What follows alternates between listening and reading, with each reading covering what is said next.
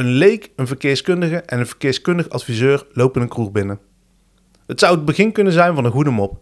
Of in dit geval van een goede podcast. De frisse blik op de weg podcast van Moby People. Mijn naam is Martijn Bloksma en ik ben een leek als het gaat om verkeerskunde.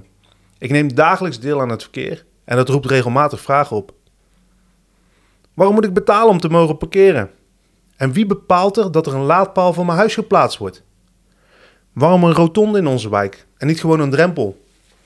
Waarom mag ik overdag geen 130 meer rijden op de snelweg? En waar hebben ze het in hemelsnaam over als het over smart mobility gaat?